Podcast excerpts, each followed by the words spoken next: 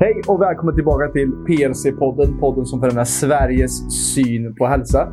Idag har jag celebert besök, inte bara av Viktor, men utan även av Jonas här på min högra hand.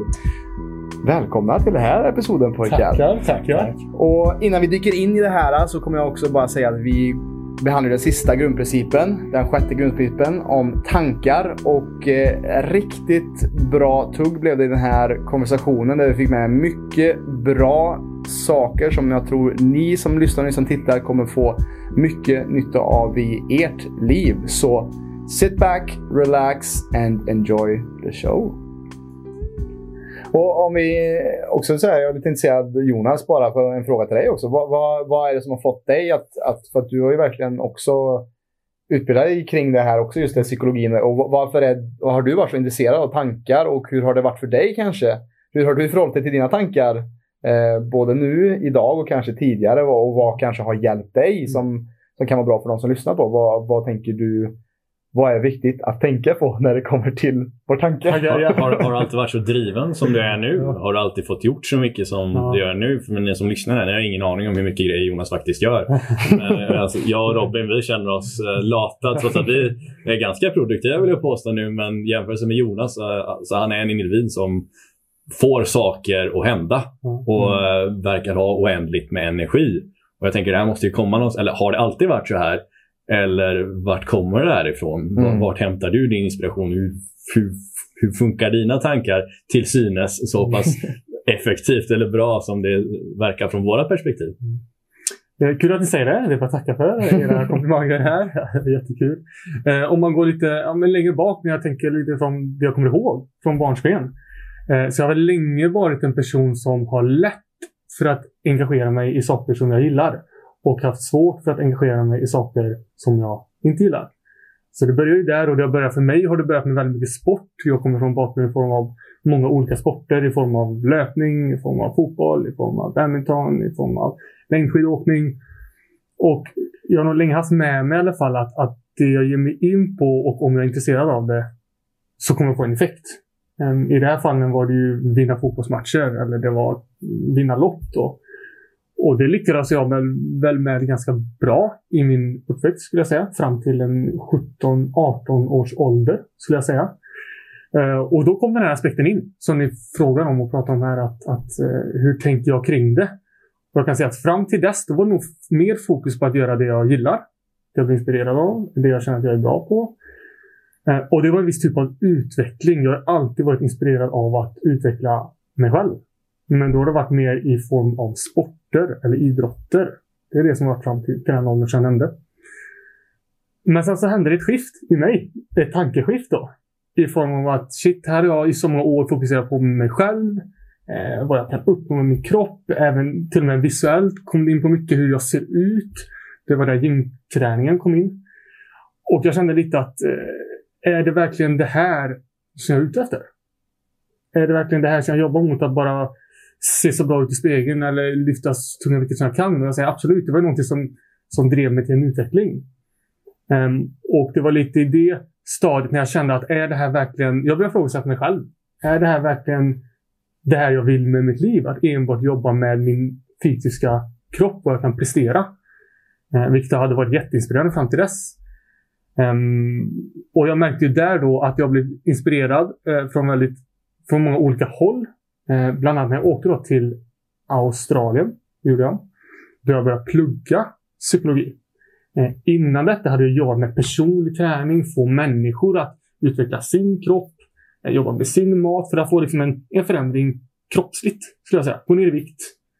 Eh, var, en, av de största anledningarna. Men jag kände att det, det finns mer. Det, det, finns mer än bara den här fysiska förändringen i mig själv, men också i, i klienterna jag jobbar med. Då. Och då utbildade jag just kring psykologin i Australien, kring idrottspsykologi. Och där fick jag verkligen upp, eh, vad ska jag säga, jag fick insikt i hur stor påverkan vår, hur vi tänker har på allt från vår drivkraft, allt från hur vi presterar, allt från hur vi bemöter saker, som vi jobbar mycket med, hur vi bemöter vi situationer. Och man kan nästan säga att det, det öppnades en helt ny värld i form av utveckling. Mm. Alltså jag hade ju utvecklats i min kropp i form av min egen kropp, i form av vad jag kunde prestera Vilket var jättegivande, men det kommer till en gräns. Och sen så hittade jag att oj vad mycket man kan utveckla kring ens egna tankesätt. Alltså det som jag nämnde driv i form av passion, i form av hur vi också kan lära ut andra eh, kring deras tankesätt. Um, och det öppnar upp såklart en hel ny värld i form av utveckling för mig personligen först. Uh, och sen så såg vi också vilken effekt det gjorde i mitt liv. När jag började se på saker på ett annorlunda sätt. Uh, så saknar jag fortfarande där till exempel att jag skulle jobba. Uh, och jag skulle vilja göra vilja jobba med min passion. Men jag började ändra mitt tankesätt kring vad jag egentligen är ute efter. Eh, då började jag hitta så många utvecklingsområden i mitt liv som ja, ledde mig till att det här tankesättet är så stort som vi kommer att prata om.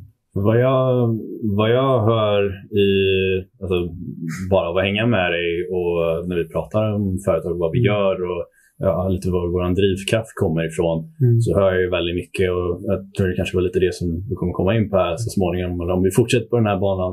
Men att eh, du tidigare då var kanske lite mer egodriven. Eller att det började från den här barnglädjen, att man bara gör något för att man känner mm. bra. Man, man mår bra av det här, för jag är duktig på det. Eh, och att det är någon form av motivation och så här, man vill prestera då, visa folk att man är duktig eh, och så här, att man är snygg, ser bra ut. Men att du sen då som sagt började ifrågasätta det lite. Men vart kommer min inspiration? Vad är anledningen till det här? Gick igenom den här processen då när du började tänka mer och mer och vad jag tror att du har landat i nu. Eh, du får eh, korrigera mig om jag, om jag har fel här, men vad jag vet att vi pratar väldigt mycket om är just vad är drivkraften? Alltså att du har ett syfte med saker och ting och du kanske verkligen hittar ett lite djupare syfte eh, nu på senare år. Eh, just med, jag vet vad vi pratar om hela tiden som sagt, med att eh, oj shit, vi, vi kan verkligen hjälpa så här många människor må bättre. Och vi har den här impact, vad säger man? Påverkan. Påverkan, effekt på så många personers liv. Att vi verkligen, det jag gör, gör en skillnad. Och att man då istället kommer från den vibrationen, eller vad man ska säga, med ens handlingar. Mm. Och hur man kan applicera det här på en, för ni som lyssnar. Eh, jag säger inte att ni ska starta ett företag och börja göra eh, börja påverka tusentals människor. Det här börjar ju i ens eget liv. Eller vart man kommer ifrån med saker och ting man gör. Vare sig det som sagt är på en stor skala eller om det är på en liten skala. Så kommer du från det här barnsliga med att man gör saker och ting för att man finner glädje i det. Eller gör du det av ett måste? Eller känner du att du inte har något syfte överhuvudtaget? för det får ju in lite till vad temat egentligen ska vara med den här grundprincipen eh, som vi ändå försöker prata om här, mm. eh, med tankar eh, som landar i vad vi alltid börjar egentligen våra klienter med innan de ens är klienter. Eller som vi, pratar, eller som vi alltid kommer komma tillbaka till vad vi än pratar om och det är vad är din dröm? Vad är din dröm och varför? För mm. även om du vet ja, men jag vill, jag vill vara, vara smal och se bra ut och eh, då hade allt varit perfekt. Ja, okay, ja, men det, det, det, är ett mål, alltså att du, du vill ha en viss siffra på vågen. Men vad är anledningen till det här? Ja, nej, men jag, jag, vill vara frisk och jag vill ha energi. Okej, okay, börjar bli bättre, börjar bli varmare här nu. Fortsätt, fortsätt. Eh, Okej, okay, men varför vill du ha mer energi? Ja, nej, men jag vill, kunna, jag vill kunna vara en bättre mamma och kunna vara aktiv och göra saker tillsammans med mina barn och sen så småningom barnbarn. Vara den bästa supermorsan som finns eller farsan som finns. All right, nu har vi en dröm. Nu har vi ett syfte. Nu har vi en anledning mm. till att göra de förändringarna som vi ja, hela tiden försöker att åstadkomma. Då. Ja, men du vill gå ner i vikt, absolut, absolut. Nu vet vi varför. Det är för dina barnbarn, liksom, tänker vi så 40 år fram, eller 30 år, eller 20 år fram, eller i nuläget. Eh, men, men att eh, här har du ett syfte. Kommer du härifrån, ja, då vet du varför du går upp i tid, går och lägger dig i tid och väljer den här maten som du vet är rätt för dig. Medans om man alltid kommer tillbaka till samma fråga. Nej, men det är svårt att hålla sig till det. Eller det, det är jättesvårt för mig att göra det här. Det är ju gott med det här. Det är gott med det här. Okej. Okay. Och det är därför som jag brukar vara lite striktare kanske med många grundprinciper här som jag ser är väldigt tydligt. Har väldigt tydlig påverkan på det. Ja, men du äter det här i nuläget som får du inte må bra. Eh, och om det är svårt att hålla det här är bättre valet. Då vill vi gå tillbaka till det här med vad är ditt syfte? Vad är din dröm? Vart kommer du ifrån? För om du inte vet tydligt varför du väljer att göra den här äggröran istället för att bara bre macka. om du inte vet varför det, du ska göra den här 20% extra effort för någonting så kommer du inte göra det över en längre tid. Och det är ofta där som det brister, ser jag, när man ska göra en typ av förändring. Just att du har inte ett tydligt, eh, tillräckligt tydligt syfte med det. För folk behöver ju antingen att någonting biter dem i rumpan mm. när de inte gör det. Eller att man är så pass driven, har den här moroten. Men vad vi vet så är det väldigt få personer som kanske jobbar så starkt efter en morot. Det, det, vi har läst någon statistik på det här någon gång med att det är en, ett par procent eller fem procent kanske av personer som har det här riktigt starka intensiva drivet och verkligen bara går upp varje morgon med ett tydligt mål och att det driver dem. Medan majoriteten av oss behöver ändå någonting som biter oss i rumpan om vi inte gör det. Mm. Och ja, vi kommer tillbaka till det här. Vart kommer du ifrån med den förändringen du vill göra? Och, ja, man kan säga också, och det, du sätter jättebra ord på det där Viktor, att, att många kommer in som klienter till oss och har, en, har en, ett mål framför sig. Att jag vill gå ner i vikt och jag vill uppnå det här, vilket har att göra med resultat. Eh, men de har ingen mening. som du säger, de har inget syfte. Och det är det här som vi alltid vill få fram. Och det här behöver man jobba med. Det är därför vi har en av våra uppgifter med alla klienter är att de verkligen ska ifrågasätta sig. Alltså sex gånger om varför vill jag uppnå det här? Vad är meningen med viktnedgången? Som Viktor säger, jo, det är för att jag vill, vad vet första svaret kanske är att jag vill se snyggare ut. Och varför vill jag se snyggare? Och så går man längre och längre ner så kommer man till mer och mer och djupare och djupare mening. Eh, och det var, var väl lite den här resan som jag själv gjorde också. Jättebra du sa det, att jag gick ifrån en egocentrisk bild från att jag vill bli så bra jag kan bli. Men sen till att tänka, okej, okay, min drivkraft var ju hur kan jag faktiskt göra mer påverkan. Mm. Eh, och det var så det här startade. I form av att visst, jag kunde göra min grej som PT. Jag vill alltid bli PT. Eh, vilket var roligt för mig. Det var min passion. Men nu jobbar jag ju inte efter min passion. Jag jobbar ju mer efter mening. Vad det är jag kan påverka. Um, och det driver ju mig. Och det är det drivet vi vill hitta i, i människor när de gör sin förändring. Livsstilsförändring. Det kommer aldrig räcka att tänka att jag vill bara gå ner mina 10 kilo. Eller jag vill bara klara av dagen. Och liksom det här är för, det är för låg standard, skulle jag säga. Eh, vi måste ha ett högre standard. Det är delmål. Det är Absolut. att börja med. Men... Det är ett delmål, men det är, inte, det är inte en mening och det är egentligen inte, det är inte din dröm. Nej. Är det, inte. Det, det, är en bra bit på vägen. Mm. Men vi är ute efter antagligen efter energin. Eller som jag säger, vilken människa vill du bli? Mm. Jag vill bli en mer harmonisk, närvarande, energisk människa. Av en anledning. Mm. Ja för mig själv eller för min familj eller kollegor. Mm. Så det, det, är ett brett ämne. Mm. Det är det. Många delar. Och, och, det, som jag, det som slår mig också är så att anledningen till att vi sitter här idag, det är ju mycket på grund av att vi har alla har haft en tanke om att vi vill förändra och hjälpa människor på ett, något sätt eller annat. Och allting skapar ju, skapas ju från tanken och det mentala. För tanken leder till handling, handlingar leder till våra vanor. Våra vanor är det som skapar våra liv. Så om inte du hade tänkt efter djupare på det här så hade inte PLC funnits idag. Och vi har inte suttit här idag och pratat, vilket är ganska otroligt. Man tänker liksom kanske inte så mycket på hur tanken kan skapa så mycket och allting skapas ju i tanken först innan det materialiseras i det fysiska. Eh, och samma som Viktor var inne på här med att Eh, har du, det finns något som, ett uttryck som går i stil med har du en stark nog dröm så behöver du inte det här nafsandet i, i röven. Och det är ju lite det som vi ser tyvärr med våra klienter som kommer till oss. De har, de har lite en sista utväg för att jag har prövat allt säger de. De har varit flera svängar inom vården och kanske går på ett par mediciner och behöver verkligen hjälp för att de har, de har kanske nått botten, de har varit utbrända, de har varit sjukskrivna och de har kommit så långt att smärt, eh, jag brukar säga smärt eh, eh, teacher, pain teacher. Ja, pain, pain teacher kallar han. Ja, the pain teacher. Eh, att man, att eh, man har så mycket smärta så att man måste, någonting måste ske, annars så går man under. Mm. Och det så, kroppen ger dig hela tiden feedback på saker. Mm. Alltså när du rör du dig mot ett syfte eller din dröm och ju längre tid man spenderar med att inte göra det, alltså gå emot ditt inre. För alltså varenda person som lyssnar på det här oss tre eh, inkluderat här.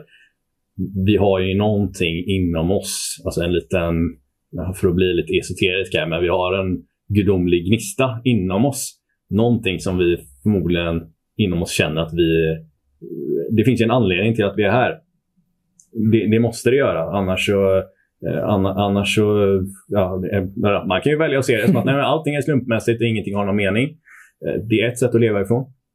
Men ett betydligt mycket mer inspirerande sätt är att leva ifrån att eh, man känner att man har en mening. Det finns någon typ av mening som du som unik individ, för varenda person som lyssnar på det här och vi här är helt individ, eh, unika individer. Det kommer aldrig finnas en annan Jonas med dina fingeravtryck, dina ögon, dina tankar. Det kommer aldrig finnas en till Robin, det kommer aldrig finnas en till Viktor som är, och tänker, känner, beter sig som vad vi gör. Så uppenbarligen har ju vi någon unik plats i världen, universum. Och vad det handlar om, vill jag påstå, är att hitta hur, eh, eller vart är din plats? Var, varför är du så konstig som du är? Vad har det för mening i det stora hela? här? Vad har du att bidra med? Och någonting har du, för du är unik. Du, det finns som sagt ingen som dig. Och därav bör ju din mening, tycker jag, vara att uttrycka dig själv så mycket du bara kan. Av vem är du? Din unikhet. Och rör man sig emot det, som du säger där, har en tillräckligt stark mening, syfte med vad du gör, då behöver du ingen kris.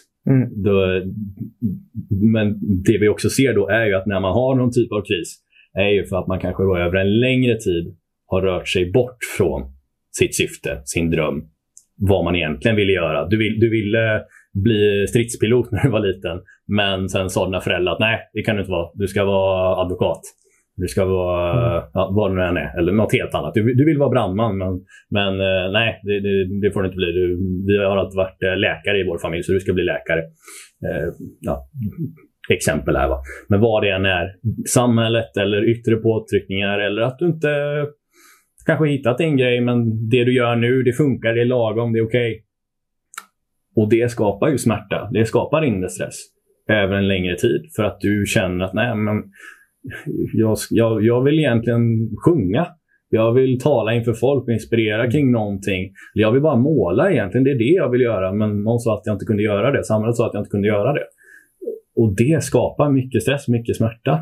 Mm. Och det är då som, sagt, det här är bara exempel återigen, men varenda person som lyssnar på det, om man verkligen tänker efter, om man har någon form av obalans, så är det ofta att man kanske inte har den här leken kvar i livet. Du har inte den här entusiasmen, du har inte inspirationen för att, ja, vart är den här lilla busigheten? Den kanske inte finns längre. Vi hade ett så fantastiskt inlägg i vår Facebookgrupp här för några, eh, några dagar sedan med, med en person som sa att Nej, men jag vet vad som saknas. Jag har kommit till insikt nu efter några månader med PLC. Det som saknas i mitt liv det är lek och busighet. Jag kommer inte ihåg vad hon sa, men det, det var fantastiskt kul att läsa. Mm. Och här har vi ju, det, det, är det här som alltid genomsyrar. Absolut att vi ska äta bra, absolut att vi ska eh, träna och, och göra bra val för oss själva gå och lägga oss alltid. Eh, för att ha energi, men till att kunna göra någonting.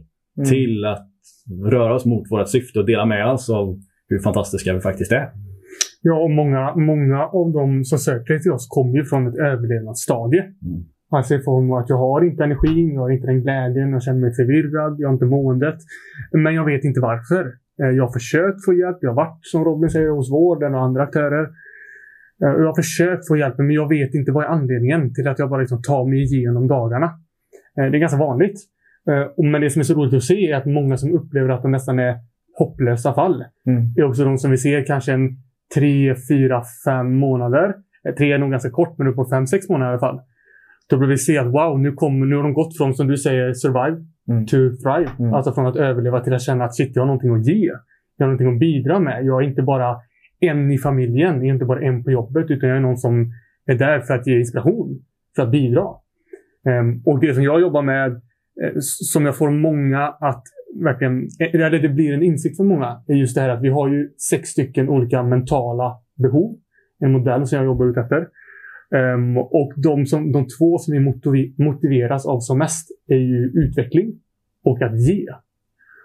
Och det börjar ju alltid med att jag måste börja utveckla mig själv. Alltså till den person som jag vill bli. I form av mer energi, som jag sa, mer harmonisk, mer närvarande. Och det här kan vara en svår fråga för många. Att ställa den frågan. Alltså, om du får önska fritt, som jag säger till, till våra klienter, sex månader framåt. Hur vill du leva då? Hur, hur ser ditt liv ut?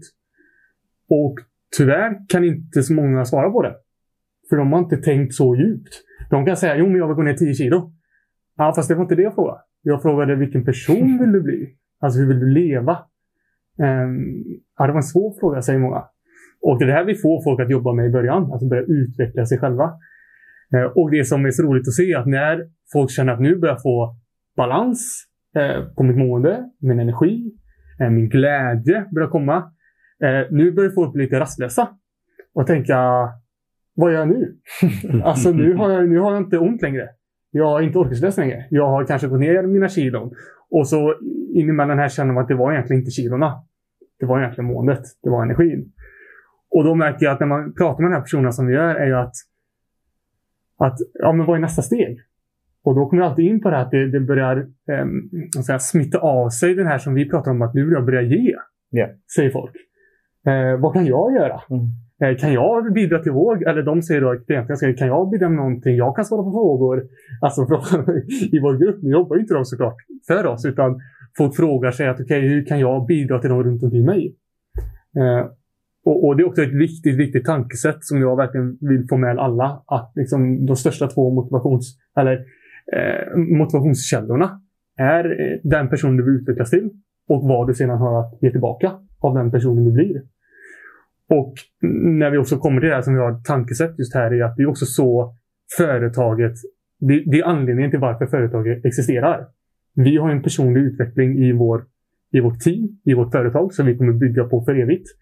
Eh, men meningen varför vi bygger oss själva, bygger upp oss själva, utbildar oss själva, är ju för att vi vill bli ännu bättre och mer effektiva på att bidra. Eh, det är liksom vårt huvudmål.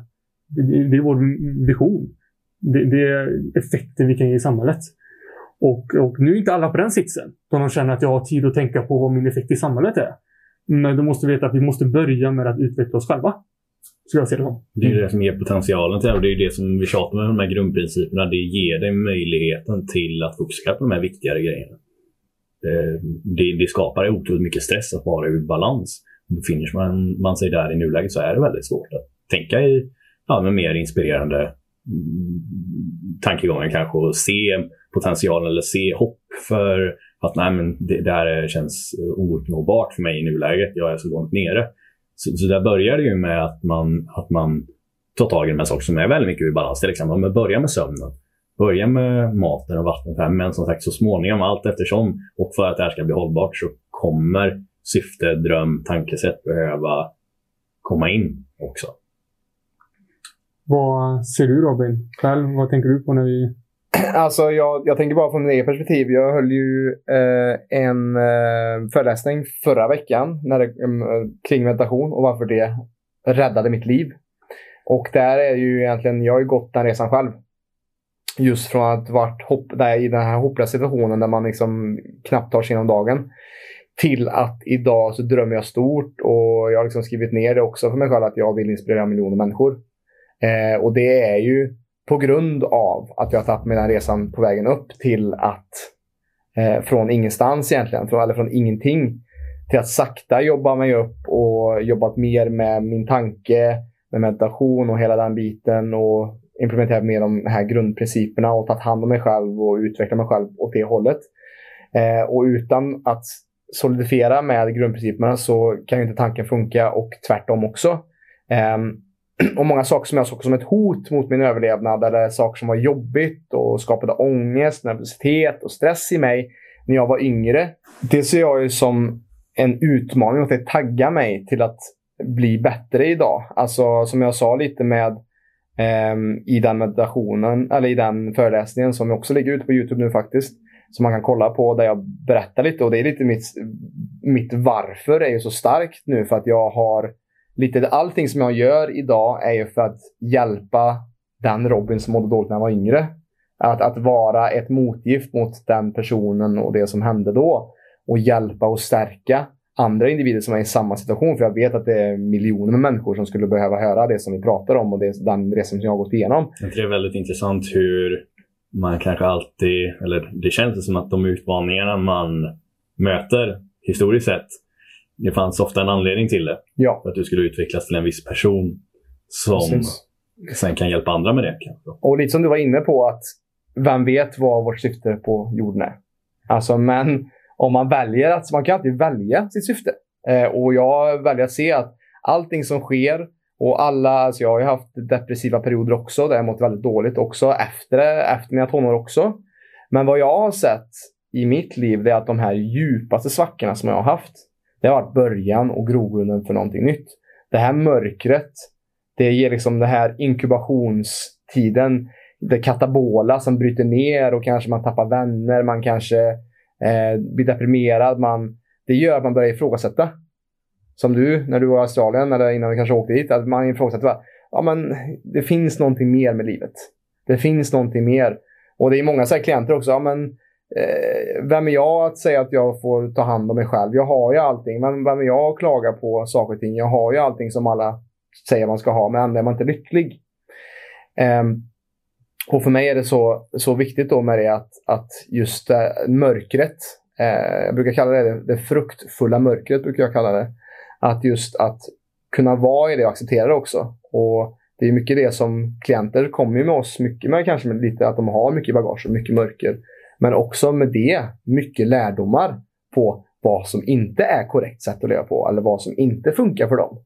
Och på så sätt när de tar sig upp, när de reser sig så som jag har rest med mitt liv och jag har en lång väg att gå fortfarande, men jag har gjort mycket redan och kan med det inspirera andra med det jag har gjort. Och jag är inte perfekt på några sätt alls.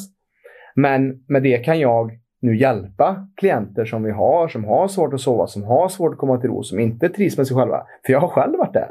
Jag har själv varit där och inte trivs med mig själv och mått bra 100% och haft svårt med sömn och, och den biten och, och lärt mig den hårda vägen.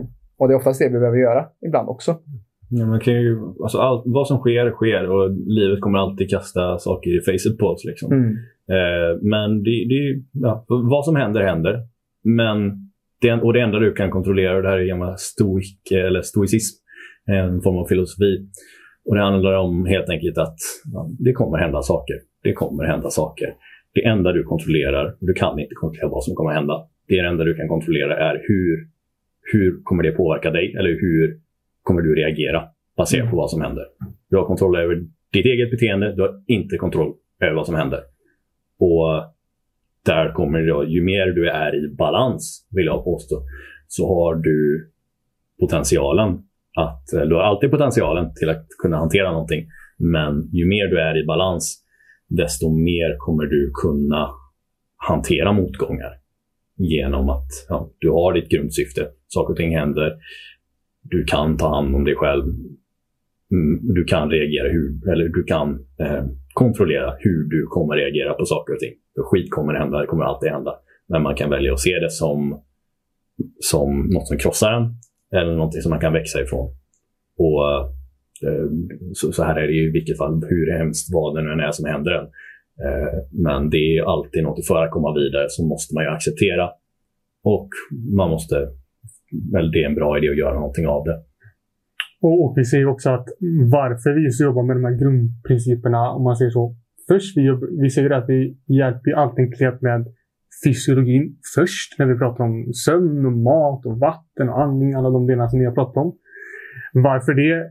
På ett sätt också det man behöver jobba med först anledningen till, till varför vi gör det är för att annars har vi ingen grund att stå på. För är du helt ur balans i form av ditt humör eller blodsocker eller ingen sömn, ja, men då är du irriterad. Ja, humöret går upp och ner. Och, och då blir de här motgångarna blir jäkligt tuffa. Mm. För du känner att du har ingen kontroll. Um, för att du har levt kanske här under många, många år med den här tröttheten, orkeslösheten, eh, en försämrad självbild. Men när vi ser att personer får mer balans eller kontroll ur ett positivt perspektiv i grundprinciperna. Nu börjar folk kunna hantera motgångar. Och motgångar kommer i många former. Som du sa, alltså det är allt från stress, det är skador, förkylningar, eh, kriser, kriser skilsmässor och det ena och det andra. Och det är det här eh, som alla på ett sätt borde jobba på att vara beredda för. Mm. För att det är sånt som, som händer. Eh, det här är ofta stadier som folk faller tillbaka, som de kallar det. Mm, ja. Jag kommer igång med min livsstil, jag kommer igång med bättre vanor och så händer någonting. Och så faller jag tillbaka till ruta ett. Eh, jag fick byta jobb eller det blev en skilsmässa och så faller man tillbaka. Och, och det, här, det som är viktigt just i tankesättet här är att börja förbereda sig på att motgångar kommer. Eh, och, och, Det vi ser är att många företag och organisationer idag jobbar inte med att hjälpa människor bemöta motgångar. De hjälper människor att komma igång. Absolut. Här, gör det här, köp det här, testa pillret, kom igång med den här, motivera, gå på en föreläsning. Jättebra, kom igång. Men det vi ser folk behöver och det som vi hjälper människor med är att se till att okay, nu är vi igång. Nu behöver vi göra oss förberedda på att det kommer hända saker som du inte vill. Um, och, och där måste vi lära oss hantera via verktyg, som vi kallar det, och strategier. Alltså göra sig förberedd. Hur gör jag när stressen kommer? Uh, vad gör jag när det står stilla på vågen? En sån sak är tankesätt. Det är många som har så mycket oro. Vad händer när jag går upp ett kilo? Vad händer om det står stilla? Och då måste vi avdramatisera och säga att det här är helt normalt. Att det i en period kan stå stilla. Um, utan det handlar om att hantera det, lära sig bemöta det. Mm. Och det finns ju mängder av olika situationer som kan hända. Men att komma från tankesättet att, att vi vill hjälpa dig, framförallt här på PLC, att hjälpa dig utveckla verktyg för att hantera din vardag eh, och bemöta tuffa situationer. För det kommer komma. Eh, inget kommer vara felfritt. Du kommer ha problematik och hinder och motgångar resten av ditt liv. Så att vad sägs om att göra sig förberedd på att så här ser livet ut. Mm. Och det är just det, lite det här äh, stoicismen som Viktor är inne på. Och jag är en stor följare av att göra saker som suger och som är jobbigt. Och som är tufft. Hårt fysiskt och mentalt. För att det gör, alltså som vi snackade om i motion, eller vi snackade om i förra avsnittet, att just att varför jag gör saker som är jobbigt fysiskt, att springer ultrar, ultramaror och sånt, det är ju eh, för att utveckla och sätta mig medvetet i situationer som är jobbiga. För att då vet jag att jag kommer vara starkare när det väl, när det väl behövs. Och samma, jag, tänk, jag tänker också ett steg längre. För att om jag ska också jobba med PLC, om jag ska jobba med att stärka andra människor, andra individer, så kräver det också att jag är förberedd när saker, när shit hits the fan. Att, att jag kan ta, ju mer jag kan klara av stress, ju mer jag kan klara av mitt negativa tankemönster själv, desto mer kan jag hjälpa andra. Så att på ett sätt när folk kanske, ja ah, men du tränar så mycket och du gör så mycket, men varför gör du det? Och det är visst en, en, i en aspekt är det för att hjälpa mig själv. Men i det stora hela så tänker jag att jag behövs i världen. Jag behövs och jag ger nytta. Och ju starkare jag bygger mig själv, desto mer kan jag inspirera andra och hjälpa andra. Och det är en jäkligt stark drivkraft för mig. Och där sa du ju precis ett syfte. Mm. Där, där, har du ett syfte, där har du en anledning till mm. att man gör de här grejerna som till synes är jobbiga. Mm. Synes är, nej, det är inte alls kul att eller nu, nu är vi lite masochistiska på det sättet. Vi tycker det är kul att lägga oss i en isvak. Men det är inte alla som tycker det. Mm. Och de flesta tycker det suger att stå i en kalldusch till exempel. Men eh, vi gör det av ingen annan anledning än att vi vet att jag kommer må bra av det här efteråt. Jag gör något tufft nu som jag vet är bra för mig. Det suger under tiden. Men efteråt så vet jag att det här är något jag gör för min egen skull. Och anledningen till det är att man har någon form av djupare drivkraft. Ofta. Vi skjuter upp belöningen helt enkelt. Och det är det som jag tror är ett av de stora, alltså som jag tycker samhället i stort idag har blivit för mjukt. Vi har allt. Vi kan klicka, alltså om man vill så kan man sitta hemma nu och jobba hemifrån. Man kan klicka, klicka hem allting. Du behöver inte gå ut och jaga och fälla ner en älg för att få, få mat. Liksom. Det är väldigt lätt att vara ett offer idag också. Ja, precis. Och det, och det är det som att, att sätta sig själv medvetet i, i stress om man är i balans, som, som sagt. Och där är ju kanske inte våra klienter redo kanske att göra det. Först måste man komma i, i balans såklart. Mm. Ja, och jag skulle också kalla det att, för att lite sätta ord på det, så brukar jag kalla det att antingen lever en person i reaktion, väldigt många som lever i reaktion, eller i en typ av rutin eller slash disciplin. Och reaktion är oftast den som man kan känna igen sig i. att så fort någonting händer så måste jag reagera och lösa problemet direkt. Till mm. exempel det här att åh nej, jag är svettsugen. Åh nej, jag gick upp ett kilo. Åh nej, nu kommer motgång. Hur ska jag göra? Vad ska jag göra? Allt känns kaos. Jag faller tillbaka. För att de reagerar på så mycket. De reagerar på deras känslor. Till skillnad mot en person som lever då, som lever då i disciplin. Den reagerar ju inte på vad som händer. Den gör ju samma i princip rutiner oavsett. Till exempel nu om jag, eh, ett exempel är att säga att um, jag är en person som vill gå ner i vikt. Och så en vecka så ger det inte så mycket effekt. Det står stilla. Nu ska inte jag behöva reagera bara för att efter några dagar står stilla, utan jag fortsätter göra min rutin. För att veta att det funkar? För jag vet att det funkar. Mm. Och det här har väldigt många svårt med, för många lever i reaktion. Alltså de reagerar så fort det är något motigt. Eller något känslomässigt tufft. Då måste man reagera på det och det tar ju ganska mycket energi. Och ditt liv ser ju så här i form av humör och energi. Sen är det lite förståeligt också när man gör någonting för att man har den här förvirringen. Mm. Förhoppningsvis inte om ni har lyssnat igenom hela den här eh, podcastserien. Då. Då, då har ni koll på äh, sakerna som, som betyder någonting och vad ni kan göra för att då inte vara reaktiva utan vara proaktiva. Ja. Att, Ja. att faktiskt eh, du gör saker för din egen skull som du vet att du mår bra av. Och det är ingen fråga om så. Även om personer som har lyssnat på det här har hört flera gånger ja, men den här maten eller den här maten eller det här eller det här. Eh, det är bra, det är inte bra. Jag kan lova att sova är väldigt, väldigt bra. Att äta mat som din gammelfarmor hade känt igen som mat är bra. Att ha någon form av kvällsrutin, att du varvar ner och lugn och harmonisk. Eh, det är bra. Att äta mat i lugn miljö, tugga, är bra. Att spendera tid med saker som man tycker är kul, med folk man tycker om, är bra. Här har du saker. Skapa rutiner för sånt här. Att ta en massage, att basta, eh, ta ett varmt bad, ta paus, meditera, andas. De här grejerna. Du har garanterat koll på minst 20-30 grejer som hade varit jättebra om du gjorde. I den mån att du har rutiner, vanor som inkluderar några av de här på en rutinmässig basis. Tro mig, du är på rätt väg. Mm. Ha förtroende för det. Ha tilltro till det. Och därefter handlar det om att som sagt, hålla sig till det här över en längre tid. Och då krävs alla de här grejerna. Det krävs stöttning. Det krävs eh, att man spenderar pengar på det. Alltså det krävs en investering. Du behöver köpa högkvalitativ mat till exempel. Du kanske behöver coaching. Du kanske behöver hjälp. Eh, ja, det, det du lägger dina pengar på, det är det du lägger din energi på. Du kan väldigt tydligt se, som jag sa i förra podcasten här, kolla på ditt kontoutdrag. Där ser du var dina värderingar ligger. Mm. Ja. ja, men det, är- det är just det tankesätt som vi pratar om. Att, att när vi inte, och som du sa Robin där också, att när en person inte är i balans. Alltså det är då de här, vad ska jag säga, motgångarna blir mycket, mycket tuffare. Mm. Eh, framförallt i början av en process. Oavsett om du är klient eller inte och lyssnar på det här.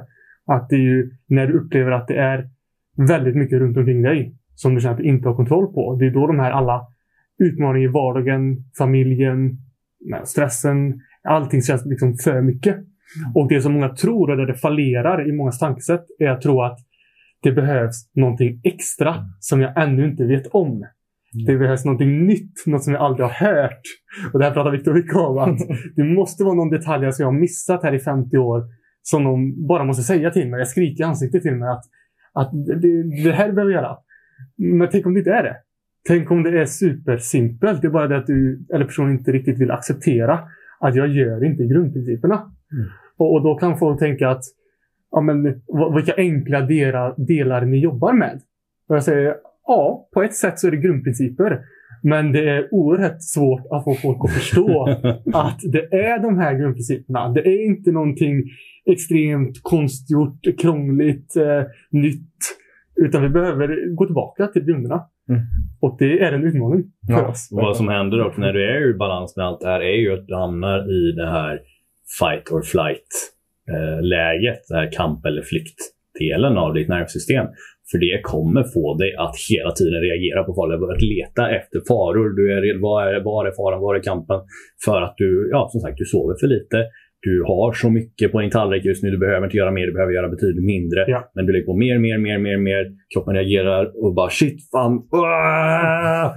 skriker inombords. Liksom. Det är inte konstigt att energin tar slut så småningom, för du lever liksom på lånad, eh, ja, lånad energi som man inte återhämtar. Och det är som sagt på en, ett nervsystemsnivå leder till den här kamp eller flyktreaktionen. Och det kommer sen genomsyra resterande av din vardag. Då blir du lite mer eh, bitsk mot din partner kanske.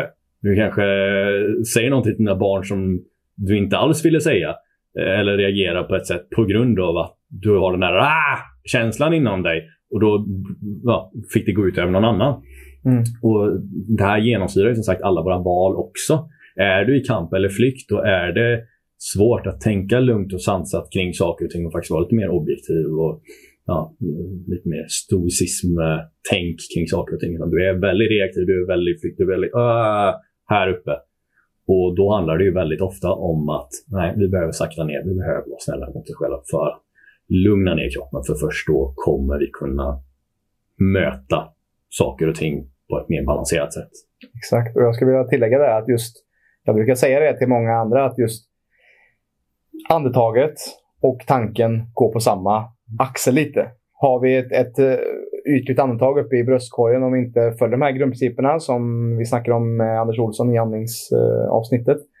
Alltså det märker jag själv. De gångerna när jag är stressad är det oftast att jag är, kanske har högre puls eller att, att jag andas ytligt.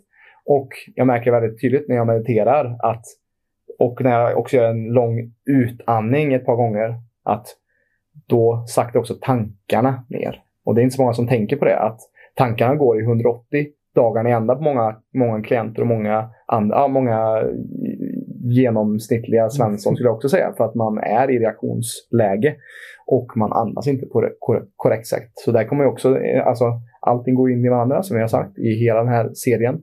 Och det är till synes enkla saker. Men det är ju också så här, det är ju, vi har ju klientsamtal med folk, ja ah, det funkar inte. Och så, och så när man väl kommer in lite djupare i, ja ah, men du har ju sovit sex timmar i snitt den här veckan. Du har ju inte druckit vatten, du har ju inte ätit okej. Okay. Det är inte konstigt att det är ur balans. Eller det här händer på jobbet, eller det här, det här, det här. Mm.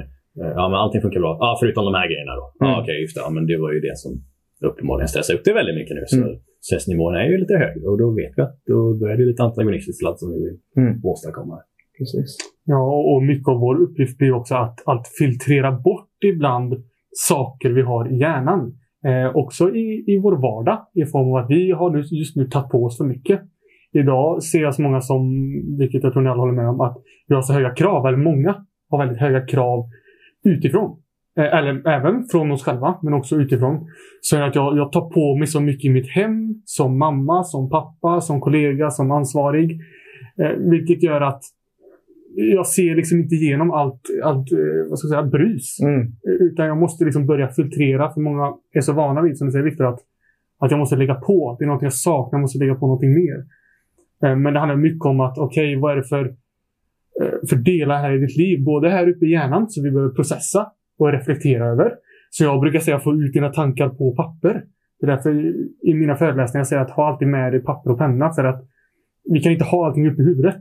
För det är oftast i huvudet vi blir utmattade. Mm. Inte det är symptom i kroppen, men det börjar upp i hjärnan. Så vi behöver liksom filtrera och strukturera våra tankar för att sedan också strukturera vår vardag. Många vill nog strukturera sin vardag och sina rutiner utan att processat allt som ligger bakom. Mm. Vilket kan låta ganska djupt, men många vågar nog inte fråga sig de frågorna. att Är det något underliggande här? I mina tankemönster eller mitt förflutna som gör att jag inte riktigt agerar eller att jag inte fullföljer. Är det ett mönster som har genomsyrat eh, de senaste 30 åren kanske? Vilket det ofta brukar vara. Vi har ju personlighetstyper och eh, det gäller att lära känna sin egen personlighetstyp. För vissa, eh, vissa som, ja, till exempel Jonas, han är av naturen ganska driven av sig. Jag är Ja, någorlunda driven ibland. Men, eh, men det ska ju vara något som inspirerar mig. Det är specifika situationer. Eh, men jag har av naturen inte lika mycket energi och driv till att få producera, göra väldigt mycket saker som, som Jonas gör. Eh, men som sagt, jag är duktig på, på, på andra grejer, men jag funkar på ett visst sätt. Men jag vet ju att mitt beteendemönster genomsyrar väldigt mycket av mina val och mina beteenden samma som Jonas beteendemönster gör samma sak fast på ett annat sätt. Eh, och det här är ju återigen unikt för varenda person som lyssnar på det här. Och Det intressanta är ju att lära känna de här beteendemönstren, de här valen man brukar göra, de här tankemönstren man går i och lite ifrågasätta dem. Men också respektera och acceptera. För det handlar inte bara om att säga ah, jag är värdelös för att jag kan inte gå upp. Jag har sagt till mig själv att jag ska ha den här morgonrutinen nu i tio års tid. Att jag ska gå upp tidigare och göra det här, det här, det här, det här. Men jag gör det inte. Jag är värdelös jag har sagt massa sådana grejer till mig själv också. Jag gör det inte hur bra. Jag, jag har min perfekta morgonritual här inne. Den inkluderar jättemånga saker. Och jag har skrivit ner det flera gånger. Men nej, jag får det inte gjort. För det, det, det går helt emot min natur. Jag behöver lära känna mig själv och mina egna som sagt, tankefallgropar och vart jag naturligt har energi, vart jag naturligt gör bra val och helt enkelt ja, men gå enligt vad jag vet att min, mitt sinne kommer och naturligt dra sig till. Och försöka som sagt skräddarsy till det. Så jag, jag har generellt sett en relativt bra morgonritual och jag gör väldigt bra val genom min dag. Inte på grund av att jag har ultradisciplin, för jag är rent ut sagt helt värdelös på disciplin. Men på grund av att jag kan min egen personlighetstyp och vad, hur jag är som person så har jag ändå liksom lyckats lägga upp livet på ett sätt som gör att jag får gjort mina bra vanor och jag är produktiv.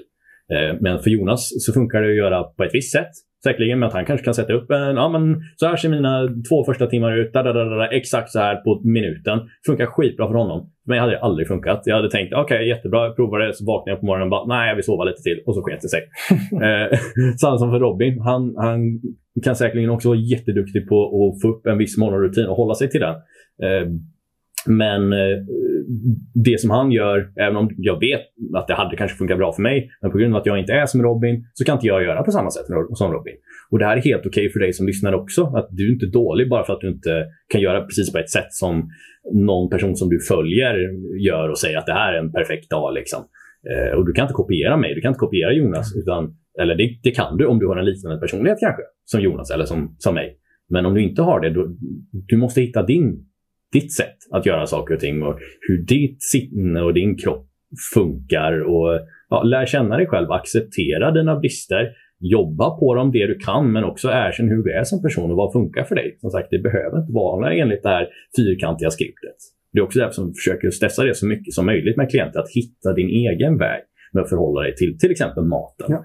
Jag, folk frågar hela tiden, men vad ska jag äta? Vad ska jag äta? Hur ska jag göra det? När ska jag göra det? Det beror på. det beror på. För dig, ja. och jag, jag, behöver ha det här samtalet med nästan varenda person och flera gånger ofta.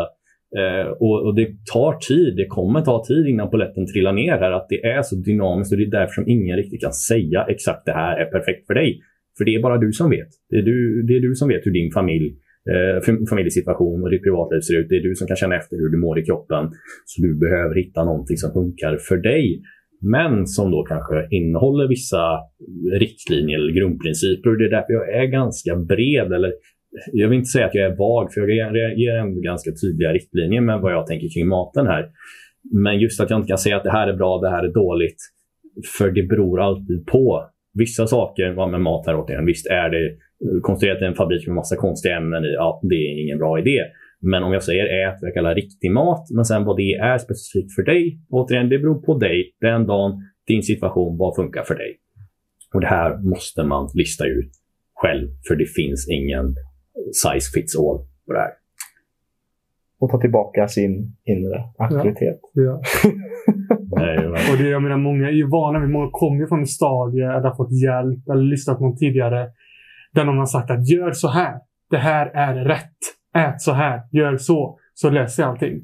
Um, vilket vi skulle säga inte sagt inte stämmer.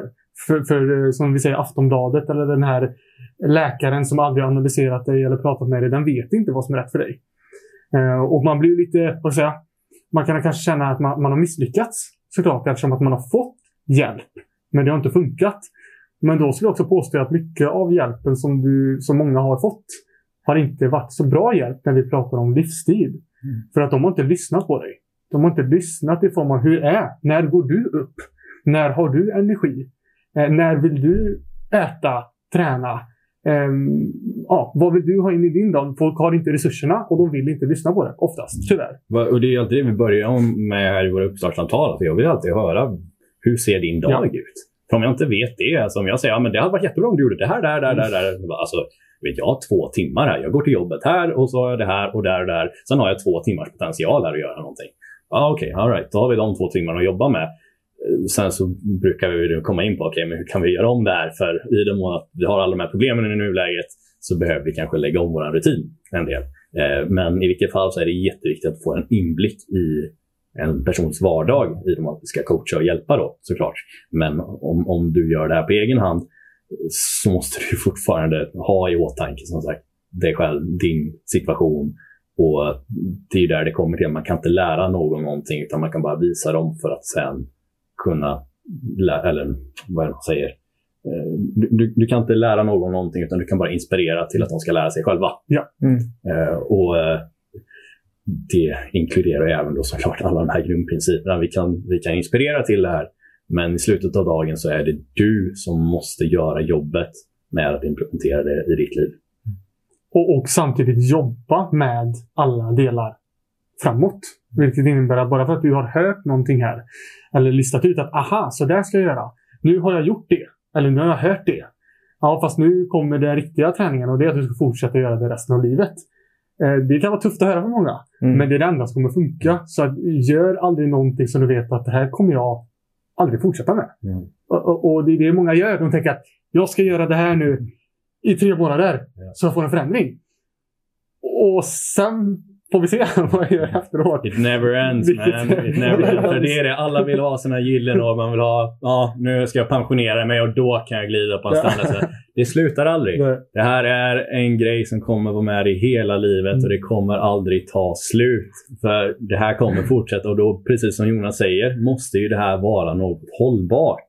Och sagt, det var inte så att jag eller Robin eller Jonas var ur balans, gjorde någonting i tre månader och sen helt plötsligt var vi i balans. Vi gjorde något extremt i tre månader. Vi kom ner i den vikten som vi ville eller vi fick till det tankesättet som vi gjorde och sen gick vi tillbaka till det vi gjorde tidigare. Så nej, det måste ju ske en livsstilsförändring och det kommer fortsätta genom hela livet med att du gör de här bra valen. Därav precis, det måste vara någonting som du känner ger dig någonting, det stöttar ditt syfte, du mår bra av det, du kan tänka dig göra det här resten av livet egentligen. För annars om du går tillbaka till någonting därefter, ja då kommer du få de resultaten som det ledde till. Det, det är inga bara motargument. Nej, nej det, finns inga motargument till det här. Men ändå är det det här som nästan hela fitnessindustrin är uppbyggd på. Hela dietindustrin är uppbyggd på att nej, nu ska jag göra inför det. sommaren? Ja, inför Ja. det, det är en ny grej varje jäkla år alltså. Det... För er som inte uh, kollar på YouTube så tog sig precis Viktor sig för huvudet för han orkar inte med. och det är väl lite det, alltså. Vi är ju alla summan av våra val. Mm. Och det är lite som vi var inne på, just disciplin och reaktion. Och att också, jag tycker också om uttrycket disciplin skapar frihet. Alltså om vi har en struktur att förhålla oss till och vet hur mycket tid det här kommer ta och så, och så vidare. Istället för att leva, ja men jag gör lite så här och lite så här. Och, och jag är lite också som Viktor, att jag, jag har, följer oftast en struktur, men jag är också väldigt free flow. Jag gillar också när det inte är för hållet. Um, och det funkar bäst för mig. Men det är också som vi snackat om, kom tillbaka till enkelheten. Kom tillbaka till att börja enkelt och inte skapa alla de här måstena. Så här måste en, en, en dag se ut. Eller, och just också det här att man brukar säga att man överskattar oftast hur mycket man kan få gjort på en dag. Man underskattar hur mycket du kan få gjort i, på tio år. Om jag kollar tillbaka på min egen resa, då kunde jag ju knappt ens stå och prata med folk och hade aldrig ens kunnat drömma om att kunna hjälpa och inspirera andra människor som jag gör via PLC och via podden och nå ut. Det trodde jag inte. Jag tror ingen av oss för tio år sedan var i det läget själva. Att mm. tänka att vart vi skulle vara om vi kollar tillbaka. Mm. Inte ens tio år utan det kan vara sex månader till och med. Precis. Du, du underskattar alltså över lång tid. Du, du underskattar din förmåga. Vart vi befann oss för sex månader sedan mm. eller för ett år sedan. Det, det, det känns som en oändlig tid sedan från eller vart vi befinner oss nu. Mm. Så, små, små förändringar över lång tid. Har en expansiell kurva. Mm. Det, så är det. Ja, och vi har många även av våra, våra klienter som vi har varit med under en längre period. Ja. Som verkligen har tagit det här till fullo. Att jag har inte bråttom. Det är en livsstil. Kanske till och med snappat upp det ganska tidigt i processen. Att jag ska verkligen leva det här ni pratar om. Att jag vill inte göra någonting som jag inte kommer fortsätta med. Utan vill bara göra saker så jag känner att det här kan bli en del av livet. Mm. Och också jag brukar ta upp det här exemplet att jag har en klient som eh, vi började för, för, för, två år sedan. Nu jobbar vi inte med varandra längre. Men den här personen ville gå ner i vikt. Eh, han gick ner ungefär ett kilo i månaden. Det är alltså 0,5 kilo per vecka. Vilket för många är ingenting. Det hade lett till panik, ångest, för lite vikt. Jag måste ner minst ett kilo i veckan. Mm. Eh, men den här personen har gjort detta också snart i två år. Mm. Vilket är 24 kilo. Så då är frågan, eh, hur känns det nu efter två år, 24 mm. kilo? Det är ganska mycket. Eh, och två år skulle jag säga ingenting om man kollar bakåt. Han är supernöjd och det finns inte en enda chans att han kommer falla tillbaka. För han säger att jag gör ju inget speciellt. Jag lever. Mm. Exakt. Jag lever. Ja. Det, är, det, är, inte så jobbigt. Sen håller jag inte på att göra massa dumma saker mm. längre. Mm. I form av att hetsäter eller stressäter eller använder socker på grund av... Mm. Du får för sig att svälta sig själv för att det ska gå snabbare. Ja, Mm. precis. Inga sådana idiotiska, om man får säga så, Mm. saker. Utan han låter det ta tid. Och det har vi många av våra klienter som har märkt att oj, bara jag tillät mig själv att det får ta tid. Och skifta mitt fokus, mitt tankesätt från bort från resultat och vikt oftast Mm. till energi och mående. Mm. Och börja ifrågasätta vad kan jag göra idag som får mig att få mer energi? ehm, Eller balanserad energi och bättre mående. Inte tänka vad ska jag göra idag som gör att jag går ner i vikt? Eller vad ska jag göra idag som gör att jag får resultat? Jag går ner ett kilo idag. Precis. Ja. Ja. men det är det jag tänka. Vad kan jag göra denna veckan för att se till att i slutet av veckan så ska jag stå på vågen. Eller då ska jag ha återkopplat och då måste jag ha sett det här resultatet. Mm. Eh, Och, och ni hör ju bara på min... bara när jag pratar här. Du går in lite i Ja, det är väldigt stress, stressande. Ja. Är det. Till skillnad mot personen som säger att jag börjar med det här. Och så reflekterar vi hur det känns i slutet av Ja. veckan. Precis. Så, tar vi, så gör vi en slutsats på det. Mm. Aha, det här funkade inte så bra. Bra! Det var en utveckling. Det var ett lärande. Det här är den riktiga utvecklingen. När vi lär oss mer om oss själva. Mm. Inte om jag gick ner 1 eller 0,5 kilo. Eller om jag kunde springa faktiskt eh, en kilometer eller 1,2 kilometer.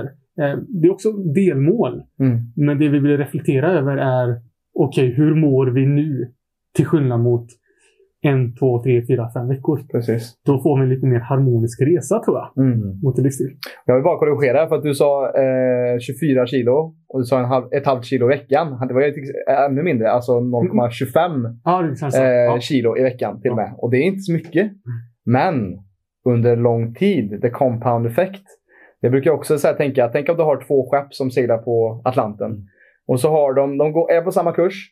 Och sen så tar en, ett skepp en grad på kompassen Mm. åt sidan. Första dagen kanske de kan se varandra. Men om du väntar ett helt år så kommer de vara på helt olika platser i världen. Och det är just det som är så viktigt att tänka på den här dominoeffekten också. Att, att ehm, börja idag med någonting som du kanske borde börja med för, för ett år sedan. Bästa tiden att plantera ett träd var tio år sedan. Ja, precis. Den näst bästa är Idag. idag. Ja, precis. Och för att fortsätta med liknelser här. Det är samma med ja, alltså compound effekt, expansiell kurva. Alltså, sparar du aktier eller ditt pensionssparande här liksom. Att eh, om du får 2% varje dag. Det blir snabbt väldigt mycket. Mm. Inte att det är 2% 2% 2% eller bara det. Det hade varit mycket också för den delen. Men när du lägger 2% och de nästa 2 procenten. Det blir ju inte på en hundralapp. Utan säg att, säg att det här är 100 spänn. Ja, 2% på det. Ja, då har du 102 kronor. De här nästa 2 procenten, de räknas inte på 100 utan de räknas på 102. Mm. Mm. Och fortsätter du så här då blir det snabbt väldigt, väldigt, väldigt mycket. Det här man kallar ränta på ränta. Och det gäller även med det här när du gör ett bra val idag och fortsätter göra det och sen efter tio år så kommer du ha alltså, you reap what you, uh, you sow. Vad heter det? You reap what you You sow. reap what you sow. Du, du kommer skörda det som du uh, sår idag. Fast ja, ha ett lite mer långtidstänk. För det är då som du, alltså du kan göra väldigt mycket grejer idag som du inte kommer att se någon effekt på överhuvudtaget nästan imorgon. Men om tio år om du gör samma sak hade gjort väldigt, väldigt stor skillnad. Och varje tanke är ett frö. Mm. Så det är också väldigt viktigt att tänka på vad vi planterar i vår egen trädgård. Som jag har i meditationer. Jag snackar ju om vår inre trädgård och ser hur vacker och fin den är. Och tänk också på att varje tanke är ett frö som kommer slå blom. Och tänker du då negativa tankar eller inte medveten om, vad är det man brukar säga, 60 000 tankar per dag tror jag. Det är man brukar säga att vi har. Och, och man brukar säga att ungefär 90% av dem är negativa. Men det är samma med antaget. Vi tar 20-25 000 antag per dag. Vi kan inte göra alla medvetna. Men ju mer tankar, ju mer antag vi kan göra medvetna, desto mer kan vi förändra våra liv. That bombshell. jag tror vi är rätt nöjda där va? Ja. Ja, jag tycker vi har varit med mycket. Vi kan Ja. nog fortsätta rätt länge, men eh, det är nog, jag tänker vi, vi nöjer oss sådär va? Vi börjar runda av där helt enkelt. Eh, och eh, stort tack för att du, just du har lyssnat eller kollat på den här episoden av eh, den sista grundprincipen. Eh, och detta är också avsnitt sju och den sjätte eh, grundprincipen för, för podden här. Och eh, jättekul att höra all feedback vi får från, från er som lyssnar, klienter och även kanske inte klienter såklart.